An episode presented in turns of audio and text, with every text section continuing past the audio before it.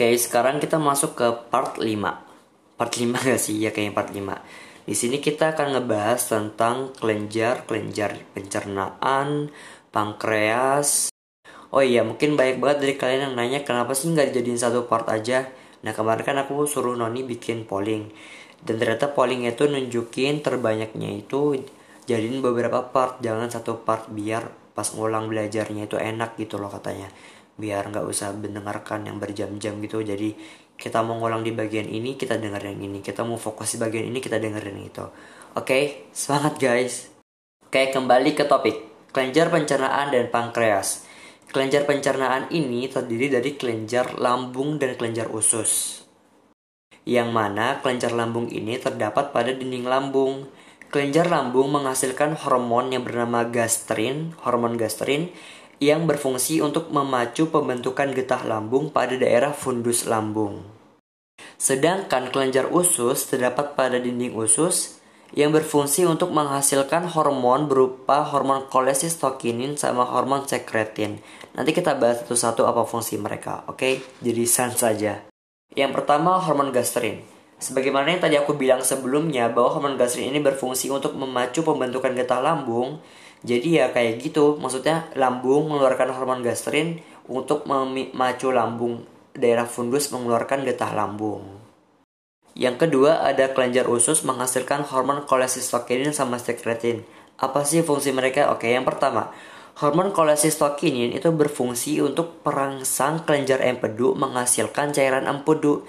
Jadi sebelum empedu itu mengeluarkan cairan empedu itu sendiri, Pertama-tama, kelenjar usus ini mengeluarkan hormon kolesistokinin, yang mana dengan adanya hormon kolesistokinin ini, empedu mau mengeluarkan cairan empedu itu sendiri. Jadi gitu ya intinya, e, fungsi dari hormon kolesistokinin adalah merangsang empedu mengeluarkan cairan empedu. Yang kedua, hormon sekretin. Hormon sekretin ini berfungsi sebagai perangsang pankreas untuk menghasilkan getah pankreas. Sama kayak kolesistokinin, hanya sebagai perangsang. Bedanya, kalau kolesistokinin perangsang empedu mengeluarkan cairan empedu, kalau sekretin perangsang pankreas untuk mengeluarkan getah pankreas. Oh iya, mungkin ada dari kalian yang bertanya kenapa hormon ini memicu pankreas ngolin getah, kenapa dia memicu empedu dan cairan empedu? Karena getah pankreas itu sendiri mengandung beberapa zat penting untuk mendukung pencernaan kita, kayak natrium bikarbonat, enzim amilase, tripsin, lipase, kimotripsin dan lain-lain itu. Buat detailnya nanti kita bahas di sesi pencernaan, oke? Okay? Sedangkan cairan empedu dalam konteks pencernaan dia berfungsi untuk membantu penyerapan lemak. Oke, okay, next kita ke pankreas. Pankreas terletak pada kuadran kiri atas abdomen atau perut dan bagian kaput atau kepalanya itu menempel pada bagian organ duodenum. Nah, pasti kalian familiar banget nih sama pankreas. Dia menghasilkan hormon apa? Insulin sama glukagon. Oh iya, FYI, pankreas ini termasuk kelenjar ganda. Apa itu kelenjar ganda? Kelenjar ganda itu organ atau kelenjar yang berperan dalam endokrin juga eksokrin. Sebenarnya ada empat. Nanti uh, nanti di akhir kita bahas apa aja sih kelenjar ganda ini, oke? Okay? Sebagaimana yang sering kita pelajarin di buku-buku SMA, buku ini sering bilang bahwa bagian pankreas yang menghasilkan hormon adalah pulau Langerhans. Pernah dengar kan? Nah, pulau Langerhans ini dibilang memiliki dua sel, ada sel alfa, ada sel beta yang mana sel alfanya ini menghasilkan hormon glukagon dan sel betanya menghasilkan hormon insulin. Nah, tapi sebenarnya aku juga baru tahu pas kuliah sih.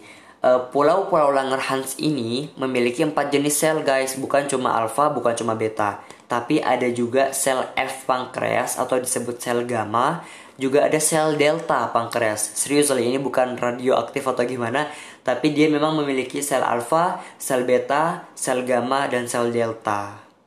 Oke, okay, apa itu sel gamma dan apa itu sel delta? Sel gamma itu bagian sel pulau Langerhans yang berfungsi untuk menghasilkan polipeptida pankreas. Yang mana polipeptida ini berfungsi untuk memperlambat penyerapan makanan. Namun sebenarnya fungsi utama ini masih belum diketahui. Itulah kenapa sel gamma ini berupa sel renik atau sangat kecil dan berjumlah kurang dari 1% dari pulau Langerhans itu sendiri. Sel delta pankreas berfungsi untuk menghasilkan hormon somatostatin, yang mana hormon ini berfungsi untuk menghambat sekresi glukagon oleh sel alfa, menghambat sekresi insulin oleh sel beta, dan juga menghambat produksi polipeptida oleh sel gamma. Oh iya, BTW itu hanya sekedar FYI aja ya, soalnya di buku SMA pun kayaknya cuma ngebahas alfa sama beta sih. Uh, adapun delta sama gamma ini belum pernah nemu aku buku SMA yang ngebahas dua ini. Jadi sebenarnya ada empat, cuma sering dibahas ada dua, maka kita kembali ke alfa dan beta. Oke, pertama, sel alfa pankreas. Tadi aku bilang dia berfungsi untuk menghasilkan hormon glukagon. Lalu apa sih fungsi dari hormon glukagon ini? Hormon glukagon berkaitan erat banget sama hormon insulin karena keduanya berfungsi untuk mengatur metabolisme glukosa dalam tubuh. Pertama, glukagon. Hormon glukagon berfungsi untuk memecah glikogen menjadi glukosa. Nah, jadi bisa dibilang bahwa glikogen ini adalah kumpulan-kumpulan dari glukosa. Mengapa demikian? Kalian harus paham dulu biar aku bisa gampang jelasin tentang hormon glukagon dan insulin, oke? Okay? Oke, okay, ada namanya glukosa, ada namanya glikogen. Glukosa ini termasuk monosakarida karbohidrat, sedangkan glikogen termasuk polisakarida karbohidrat. Bahasa simpelnya nih ya. Bahasa simpelnya, glukosa glukosa glukosa aku gabungin jadi glikogen dah gitu aja intinya oke okay? oh iya FYI pengaturan glukosa oleh hormon glukagon dan insulin ini dilakukan dengan mekanisme rest and digest apa sih maksud dari mekanisme rest and digest ini jadi, saat kadar gula darah rendah, maka glukagon merangsang hati untuk mengubah glikogen menjadi glukosa ke darah. Dan jika kadar gula darah tinggi, maka insulin akan merangsang sel hati dan sel lainnya untuk mengabsorpsi lebih banyak glukosa.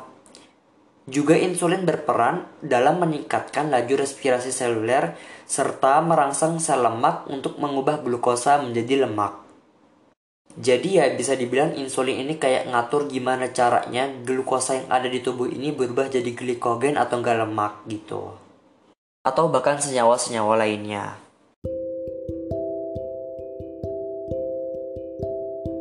Aku ulangin lagi, hormon glukagon berfungsi untuk mengubah glikogen menjadi glukosa atau bahasa simpelnya memecah glikogen menjadi glukosa, sedangkan insulin mengubah glukosa menjadi glikogen.